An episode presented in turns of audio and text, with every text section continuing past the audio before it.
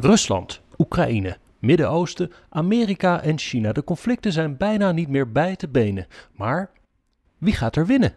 Gek genoeg valt daar best wat over te zeggen als je kijkt naar de grote trends. Boekenstein en de Wijk gaan te raden bij experts in Boekenstein en de Wijk voorspellen de toekomst. In de tweede druk bij de boekwinkel. BNR Nieuwsradio. Boekenstein en de Wijk. Hugo Reitsma. Welkom bij Boekenstein en de Wijk. Het is dinsdag, dag 727 van de oorlog in Oekraïne. En vandaag zijn jullie, de luisteraars, weer aan het woord. Te beginnen met Nick de Hoog. Die zegt: Sinds de dood van Navalny enkele dagen lijkt er in mijn social media meer en meer berichten op te duiken over Julian Assange. Ook enkele bekenden met Russische roots lijken het op het moment liever over het los van Assange te hebben in handen van de Britse justitie in plaats van Navalny in de Russische gevangenis. Mij bekruipt het gevoel dat dit een gecoördineerde afleiding is. En ik moet bekennen ook niet zo goed een weerwoord te hebben op mijn bekenden die een discussie over Rusland dooddoen met een verwijzing naar het in hun ogen verwerpelijk handelen van de VS en hun bondgenoten. Gaat dat bij jullie ook zo? Ik hoop dat jullie me hier uh, houvast kunnen geven. Het lijkt me toch ergens appels en peren vergelijken. Ja. Zeker. Nou, in algemene, los, zin, uh, Jan. in algemene zin kan je hier dit over zeggen. Van, uh, kijk, die Assange, die is, ik weet nog goed, toen het allemaal dus uh, naar boven kwam, waren heel veel mensen waren een enorme fan van Assange. Met, met Wikileaks, hè? Ja, dat Wikileaks, ja. want hij had, had, toch schandalige dingen van de Amerikanen allemaal aangekondigd. Hè? Toen bleek later dat hij met de Russen ook had samengewerkt, als ik me niet vergis. Dat Toch? ging over de Clinton-e-mails. Die, die kwamen Ja. van de uh, Russische hackers die natuurlijk Ja. nauwe banden hebben met de FSB en zo. Ja. Ja. Dat was natuurlijk toch minder gezellig, dat Ja. lijkt, lijkt me.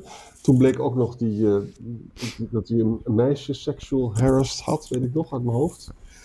Ik, ik denk dat de wereld zo in elkaar zit dat het zeker zo is dat de Russen er alles aan doen om dat Assange nog eens even uh, goed onder de aandacht te brengen, om dat van Navalny af te leiden.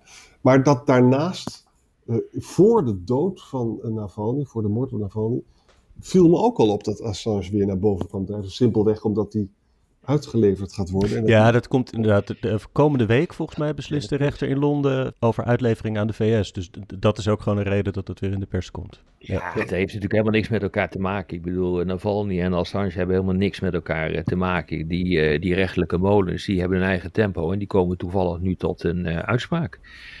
Uh, en je kunt ook niet zeggen dat, uh, dat daarmee dus uh, een soort verdoezelingsoperatie zou plaatsvinden om de aandacht van Navalny af te luisteren. Nee, dat, dat, dat, is appels met peren te vergelijken, wat trouwens de vragensteller zelf ook zegt.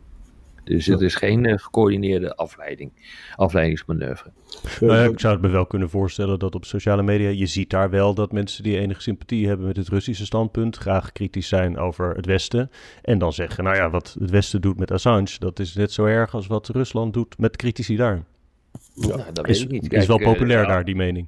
Ja, dat weet ik wel, maar dat is natuurlijk, dat is natuurlijk uh, nepnieuws. En dat is een uh, interpretatie van de werkelijkheid die niet helemaal juist is. Kijk, er zijn natuurlijk in het Westen een hele hoop mensen die vinden uh, Assange ook een, uh, een vrijheidsstrijder. Maar uh, feit blijft dat hij gewoon de wet heeft overtreden en niet zo'n klein beetje. Als je in Amerika de veiligheidswetten overtreedt, dan heb je echt een geweldig probleem. Ja. En daar zit, en niet zo'n klein beetje ook hoor, die, zijn, die problemen zijn echt veel en veel groter die je dan hebt. dan bijvoorbeeld in Nederland of in de rest van de westerse wereld. Je gaat echt voor jarenlang misschien wel leven, voor, voor, voor de rest van je leven ga je de pak in. En ik weet nog dat, uh, uh, hoe noem je hem, Obama, die heeft toen gezegd, nou laten we maar niet vervolgen. Dat is vervolgens weer teruggedraaid, omdat het toch veel meer naar boven kwam dan men eerst had gedacht. Dus ja, nee, het is echt, het zijn onvergelijkbare zaken en je kunt makkelijk zeggen van Assange, dat is dan ook een politieke gevangene. Het is maar net het is maar net hoe je er tegenaan kijkt. Als je vindt dat hij een vrijheidsstrijder is, dan is dat zo. Maar feit blijft dat hij zich gewoon niet aan de wet heeft gehouden. Ja, maar is dat dan het, het houvast waar Nick om vraagt? Want dan, dan zullen, zullen zijn Russische vrienden, of als, hoe die het ook zei, zullen, zeggen... ja, Navalny had ook de Russische wet overtreden. Ja, klopt. Maar het is de Russische wet als bedoeld om echt een, uh, uh, een tegenstander van Poetin ja, in dit geval bijna letterlijk de nek om te draaien, in ieder geval Ja. zwijgen op uh, te leggen. Ja. En dat is met, dat is met Assange niet, niet gebeurd. Ja. En verder meen ik dat Assange heeft ook allemaal informanten van Amerika in de problemen gebracht. Hè? Ja. En, uh, ja, volgens mij was het punt bij die, uh, het is gewoon honderdduizenden documenten online gezet. En ja, daar staan dan dus ook gewoon allemaal namen in. En dat is, dat is niet de manier waarop je dat als journalist bijvoorbeeld zou doen. Dan, dan kan je wel de informatie eruit filteren en op die manier de klok luiden. Maar dit was, uh, dit was eigenlijk onverantwoordelijk. Nee, de, vraag is natuurlijk welke klok je luidt als je honderdduizend documenten online zet. Hè, dat is natuurlijk ook het, het hele punt. Ja, nou volgens mij had hij daarmee wel uh, misstanden aangetoond, bijvoorbeeld in Irak. Waar, oh, absoluut. Uh, nee, het was, ook, uh, het was ook heel interessant hoor, wat er allemaal online stond. Maar dat laat onverlet dat dit gewoon niet, niet mag. Ja. Ik heb er ook uitvoerig gebruik van gemaakt, ook in de dingen die ik zelf heb geschreven. Dus in die zin nou, was ik hem dankbaar. Ja, in, in, in zekere zin wel. Begrijp ik dat hij daarvoor veroordeeld was, absoluut. Ja. Gaan we door naar Leon van Etten. Vaste luisteraar, zegt hij. Uh, beste Arjan, beste Rob, zegt hij. Poetin bewonderde Hitler recent omdat hij in 1939 naar Gdansk optrok. Hij kon niet anders, had Poetin gezegd. Maar uh, maakt Poetin hiermee in zoveel woorden niet heel duidelijk aan het Westen dat hij nu in 2024 naar het voor hem onbereikbare Kaliningrad wil optrekken? Met andere woorden, de Suwalki Gap in en de Baltische Staten terug inlijven. Poetin zegt vaker wat hij doet, maar wordt niet al altijd zo begrepen. Zijn persoonlijke tragiek. Wat, uh, hoe kijken jullie hier naar? Nou, het is in ieder geval zo dat die opmerking over Hitler is echt belachelijk. Hè? Want hij zei dus, hij letterlijk zei Poetin van, ja luister eens, hij wilde gewoon optrekken naar uh, Gdansk. En dat was, dat was niet bereikbaar voor hem. Dus dan moet je het militair gewoon doen. Ja. ja. ik vind het wel, dan is de parallel met Kaliningrad is inderdaad wel heel goed, ja. Want dat, dat is ook een exclave, dus dan zou je ook willen dat je daar naartoe gaat. Hoe zou je dat dan willen doen?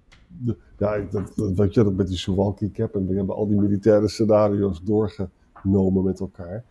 Het is wel zo dat, dat wat, de, wat de vraagsteller, dus die meneer Van Etten eigenlijk zegt, is als je zo denkt, hè, dat als je niet meer je exclave kan bereiken, dan moet je er gewoon militair naartoe trekken. Dan heb je daar dus kennelijk geen morele probleem mee of zo, of andere. Hè? En jouw punt is natuurlijk een andere, Rob, dat je denkt van ja, maar kan dat eigenlijk wel? Nou ja, kijk, hij heeft daar denk ik geen enkel moreel probleem mee. Want hij eh, kan absoluut rechtvaardigen om naar die Suwalki Cap uh, op uh, te rukken. Uh, want hij zal zeggen, ja, die wordt nu helemaal ge geïsoleerd ja. door de NAVO. de, de Oostzee is een NAVO-binnenzee geworden. Dus dit is een hele vervelende situatie voor ehm, Kaliningrad. Ja, nou, voor Kaliningrad is dat een hele, hele nare situatie, want daarmee wordt het helemaal geïsoleerd. En we hebben al grote problemen met het transport, en dat is ook zo. Over de trein uh, door Litouwen naar, uh, mm -hmm. naar die enclave. Of het is eigenlijk een exclave, maar goed. Mm -hmm. en ja, dus ik kan me voorstellen dat dat dus ooit, als de situatie verder verslechtert tussen NAVO en uh, en, het, uh, en, Rusland, dat dat wel een punt wordt. En dat hij daar een rechtvaardiging in zal uh, weten te vinden om inderdaad ja, dwars door Litouwen te gaan.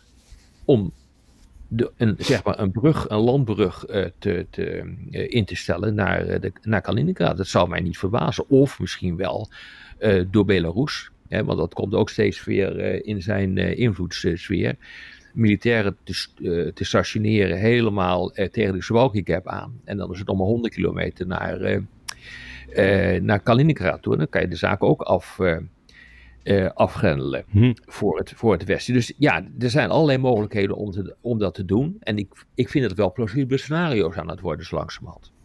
En ook het gestopt met die Russische minderheden in de Baltische Staten. Ja. Ook zo'n voorbode. Ja. ja. Ik vind het een mooie vraag. Nou, ik heb nog een mooie, maar denk wel een moeilijke vraag van Dinant uit Apeldoorn. Die zegt: De wereld staat in brand. Op allerlei plekken zien mensen oorlog als een uitweg.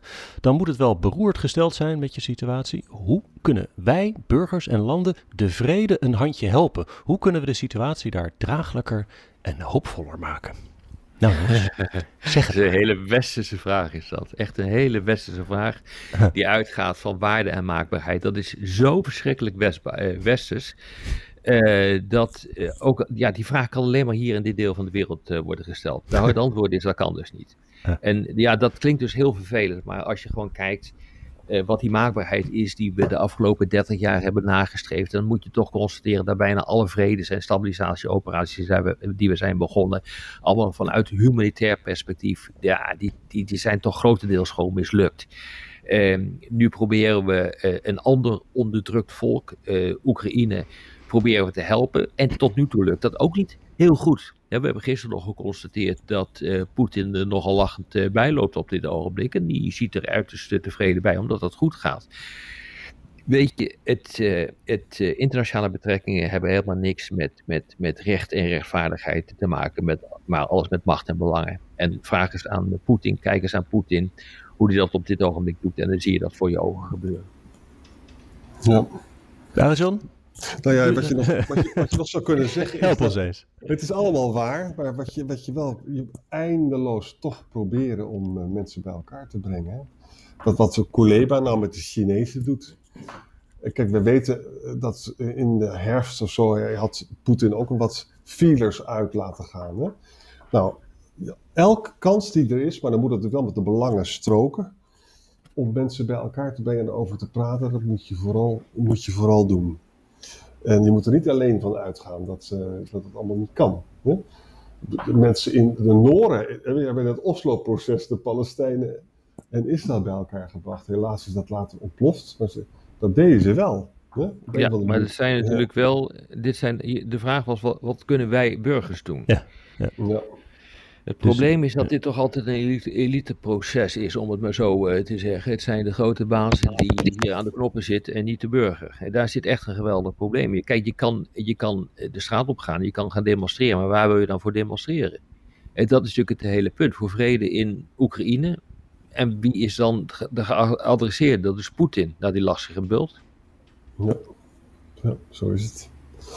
Het is geen gezellige podcast, jongens, vandaag. Nee.